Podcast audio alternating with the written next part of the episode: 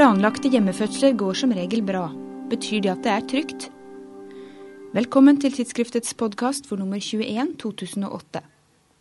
Hvert år planlegger rundt 150 gravide kvinner å føde barnet sitt hjemme. Dvs. Si 0,3% av alle fødsler. Uenigheten i fagmiljøet er stor. Er det forsvarlig for en utvalgt gruppe å føde hjemme, eller bør alle fødsler skje på institusjon? Dermed er også svaret kvinner får forskjellig, avhengig av hvem de spør. Jordmor Ellen Blix, overlege Pål Øyan og lege Merete Kumle ønsket å gjøre det lettere for helsepersonell å svare når de får spørsmålet. De har gått gjennom ti aktuelle studier og laget en systematisk oversikt over utfall hos mor og barn. Konklusjonen er at det ikke finnes grunnlag for å fraråde friske gravide å planlegge hjemmefødsel, forteller Blix. Det var lite komplikasjoner på eh, planlagte hjemmefødsler. Men vi fant at det var en god del overflyttinger, spesielt hos førstegangsfødende. da, At de blir overflytta til sykehus i løpet av fødselen. Vi fant en eh, perinatal mortalitet som var 3,1 per 1000. Og det er litt høyere enn i Norge. Og så fant vi en neonatal mortalitetsrate som var lik den vi har i Norge, på 0,7 eh, hos barn uten misdannelser. Eh, alle disse funnene er litt vanskelig å overføre direkte til Norge. Norge er jo det landet som har, eller et av de landene som har lavest perinatal mortalitetsrate i verden. Og vi vet heller ikke om det er samme type kvinner som velger hjemmefødsel i Norge, som det er i de, her, i de landene hvor de studiene var ifra. I så fall er det ressurssterke kvinner med høy utdannelse, som er gift, har født barn før og som er høye og slanke. Studiene viser også at det er færre inngrep i fødselsforløpet ved denne typen fødsel. Kvinnens innstilling og jordmors rolle kan være noe av forklaringen.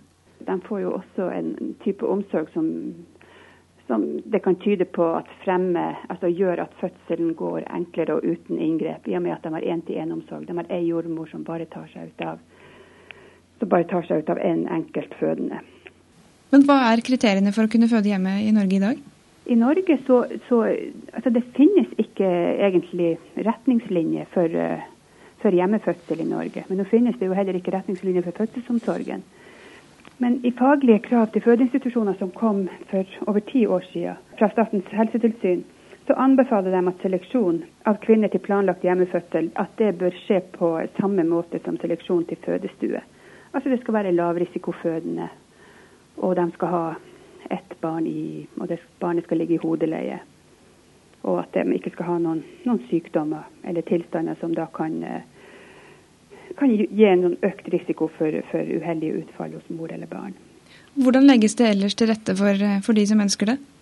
Nei, Det legges ikke til rette på annen måte enn at jordmora får et visst beløp fra Nav for å bistå ved hjemmefødsel. Men jordmora får ikke for vaktberedskap eller for kjøring. Og, og de, fød, de, gravide må sjøl finne en jordmor som er villig til å bistå ved hjemmefødsel. Blikk synes dette er unødvendig tungvint.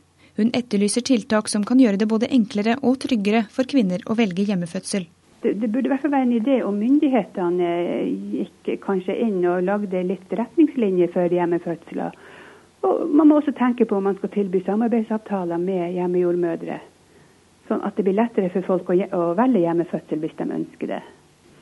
Medisinsk fødselsregister begynte å registrere planlagte hjemmefødsler etter det var vel i desember 1998. Men det blir ikke gjort helt systematisk. Altså, De har ikke registrert den som blir overflytta i fødselsforløpet, hvordan det går med dem. Og vi vet at Nasjonalt råd for fødselsomsorgen, eller forrige Nasjonale rådet for fødselsomsorgen, de tok initiativ overfor medisinsk fødselsregister for at det her skulle bli uh, mer nøye registrert, både for hjemmefødsler og for fødestuefødsler.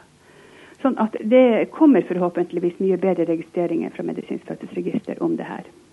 Du har selv vært med på noen hjemmefødsler. Kan du beskrive hvordan det er?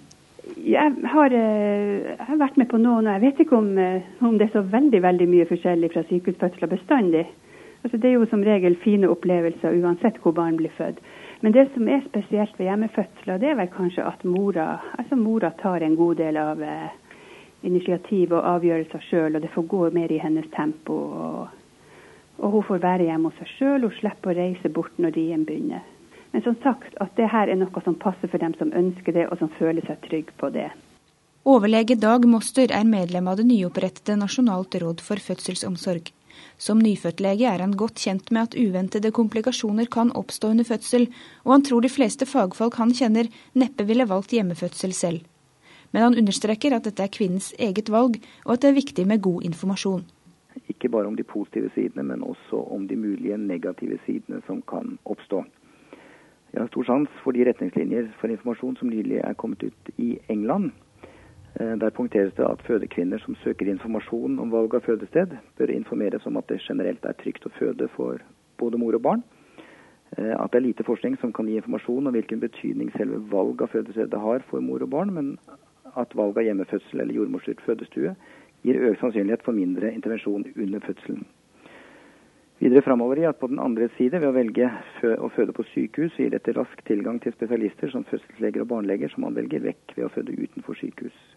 Og at kvinner som velger å føde utenfor sykehus, skal informeres om hva sannsynligheten er for å bli overført til en fødeavdeling under fødsel, og hvilken tid det kan ta. Og videre, dersom det oppstår uventede komplikasjoner under fødsel, så kan utfallet for kvinnen eller barnet bli forverret i forhold til om de fødte på en fødeavdeling med rask tilgang til spesialisthjelp. Dette er altså engelske anbefalinger, men det er liten grunn til å tro at de ikke også kan brukes eh, for norske forhold.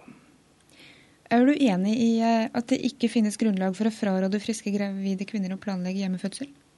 Jeg har bitt meg merke at denne formuleringen blir brukt i artikkelen til Blix, Kumle og Øyan, og det er kanskje litt spill med ord. To negative utsagn etter hverandre opphever hverandre vanligvis, og utsagnene ikke fraråde kan oppfattes slik som at de tilrår hjemmefødsler.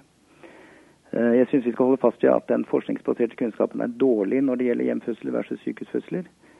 Det at det ikke er noen god forskning på dette, gjør ikke at vi kan trekke konklusjonen om at det ikke er noen forskjell, men at den forskningsbaserte kunnskapen mangler per i dag.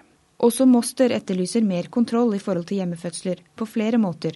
Det har vært hevdet at personell som kun håndterer lavrisikofødsler, hvor komplikasjoner sjelden forekommer, vanskeligere vil oppdage og håndtere komplikasjoner når de oppstår, at det bør derfor vurderes om jordmødre som håndterer hjemmefødsler, også bør ha erfaring med andre typer fødsler og eh, ha trening i akuttprosedyrer. Uh, Fødselsregisteret registrerer hjemmefødsler, uh, men det bør sannsynligvis være en enda nøyere registrering av hjemmefødsler, kanskje som et eget prosjekt, hvor man ser på overflyttingsprosedyr, årsak til overflytting og sånn, som ikke nødvendigvis fanges opp av, av den vanlige registreringen i fødselsregisteret. Du kan lese mer om dette i lederartikkelen til Moster og i oversiktsartikkelen til Blix. På gjenhør.